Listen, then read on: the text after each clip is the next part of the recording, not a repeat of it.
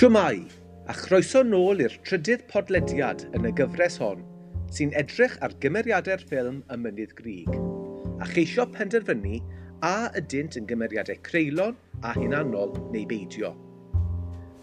Ffocws podlediad heddi yw begw.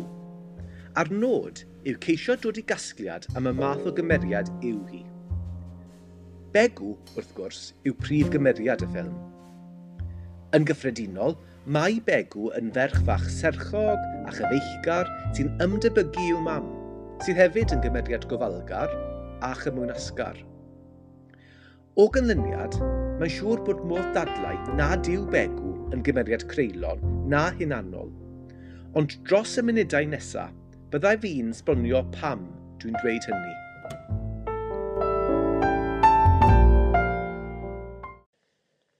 Un olygfa allweddol lle nad yw begwn ymddangos fel cymeriad hunanol a chreulon yw pan fo Mair a Hithau yn mynd am de picnic ar y Mynydd grig. Mae Begw wedi bod yn edrych ymlaen at hyn ers amser, yn enwedig am fod ei mam, Elin Griffith, wedi paratoi jeli coch ar ei chyfer. Tra ar ei ffordd yno, mae Winnie Ffini Hadog yn ymddangos ac yn ymuno ar ddwy – Ar ôl canu a dawnsio ar y mynydd, mae'r merched yn eistedd yn y grug wedi blino'n lan. Dyna pryd mae Begw yn dweud wrth Wini, Cymrwch lymaid o de oer, Wini, gwneith les i chi. A rydyn ni'n sylweddoli o hyn fod gan Begw bersonoliaeth tebyg i'w mam. Cymeriad caredig a gofalgar sydd ganddi. A chawn ni'n hatgoffa o'r dyfyniad o'r gyfrol, lles oedd bob dim gan ei mam. Mae'r olygfa'n parhau wrth i Winni gymryd mantais o garedigrwydd Begw. Nid yn unig mae hi'n cymryd y te oer, ond hefyd y brechdanau ac yn waith na dim y jeli coch.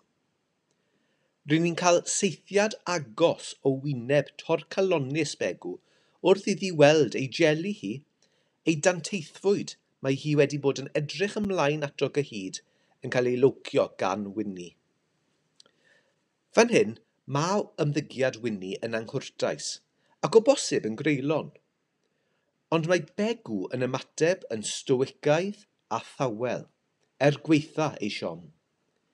Nid yw'n ymateb nac yn dweud dim wrth Wini, ond yn hytrach, mae'n ymateb gydag urddas a charedigrwydd. Cyferbynnwch hwn gyda wyneb sbeitlyd mair yn yr olygfa hon, wrth iddi eistedd tu ôl Begw a Wini, yn crechwenu'n greulon at anlwc Begw.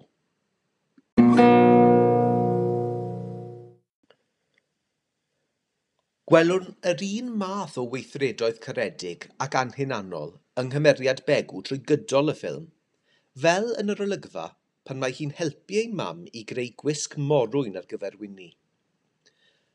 Yn yr olygfa allweddol hon, gwelwn Elin Griffith, Begw a Winnie'n cydweithio i winio ffrog barchus er mwyn galluogi Winnie i fynd i weithio yng nghartref Mr a Mrs Prothero yn y dre. Gwelwn nifer fawr o dechnegau ffilmio yn yr olygfa, gyda'r seithiad agos iawn o'r peiriant gwynion cael ei ailadrodd sawl gwaith. Mae hyn, wrth gwrs, yn cyfleu'r holl ymdrech mae Begw ac Elin Griffith yn ei roi wrth greu'r wisg i Winni. Mae'r seithiad wedi ei arafu. Y gerddoriaeth swynol a'r sŵn chwerthin cyson yn cyfleu awyrgylch o gynhesrwydd, gofal a chariad. Pwysleisia hyn nad cymeriadau hunanol a chreulon yw Begw ac Elin Griffith. Yn hytrach, maen nhw bob amser yn barod ac yn awyddus i helpu eraill. Maent yn gallu gweld caledu bywyd pobl eraill, o bosib am ei bod wedi bod trwy gyfnodau o galedu ei hun.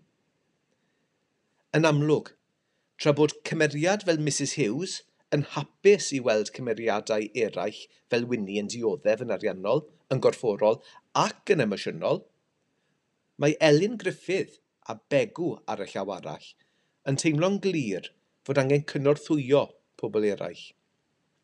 Ei nod nhw yw codi statws pobl eraill a rhoi cyfle iddynt wella i bywydau.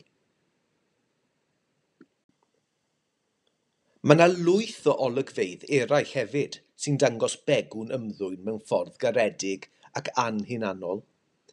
Mae'r esiamplau hyn i'w gweld trwy gydol y ffilm, ac yn cynnwys seithiadau ohoni'n gweddio na fydd ei thad yn cael ei ladd yn y chwarel. Yn yr olygfa hon, ceir goleuo cynnes ac mae'r camera wedi cael ei leoli yn uniongyrchol uwch ei phen.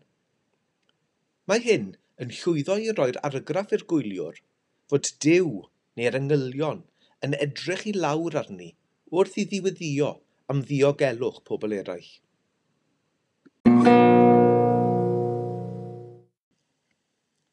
Wedi dweud hynny, mae yna un olygfa lle gallech chi ddadlau fod begwn ymddwyn mewn ffordd braidd yn greulon.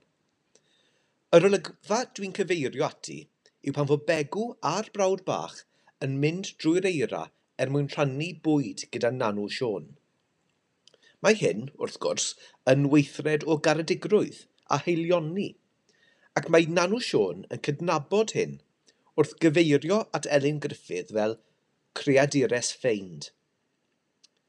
Fodd bynnag, wrth i'r olygfa fynd yn ei blaen, mae Nanw Sion yn dechrau sôn am ei hunigrwydd ar y mynydd ers i Dafydd Sion fynd ar goll yno.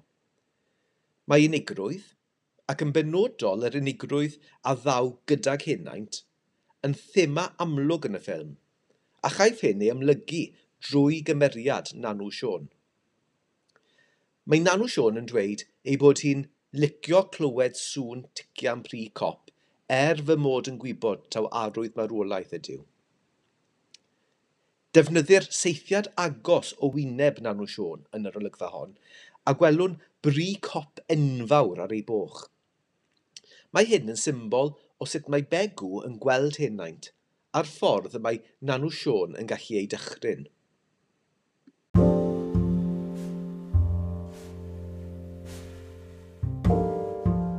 Yn amlwg, mae Nanw Sion yn drist yn ei hunigrwydd ac yn teimlo fod bywyd wedi bod yn anheg iddi. Ond yn hytrach na chyd ymdeimlo a chynnig cysur i nanw, mae'n teimlo bron fel petai begw neu gwawdio ac yn gwneud sport ohoni. Geiriau begw yw, so ni wrth y modd yn byw ar ben fy hun ar ben y mynydd.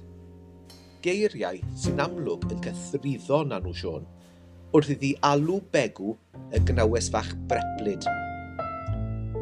Ond y cwestiwn efallai yw, a yw begwn sylweddoli effaith ei geiriau ar Nanw Sion?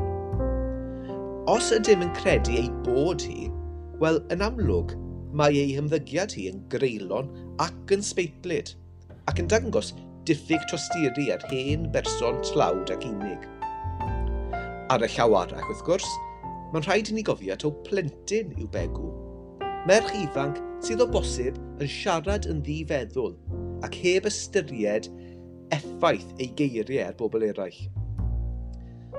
Mae'r olygfa hefyd yn atgyfnerthu'r gwahaniaeth amlwg sydd rhwng sut mae plant yn edrych ar y byd a'r ffordd mae hyn, henoed yn gweld pethau o safbwynt gwahanol. I Begw, byddai byw yn yr eira ar y mynydd lle mae yw wrth ei bodd yn hwyl. Ond mae hyn yn gwrth gyferbynnu'n llwyr gyda sut mae Nanw Sion yn byw yn ei bwthyn oer angysurus, yn brwydro i gadw deipen y hunin ynghyd. Thank you.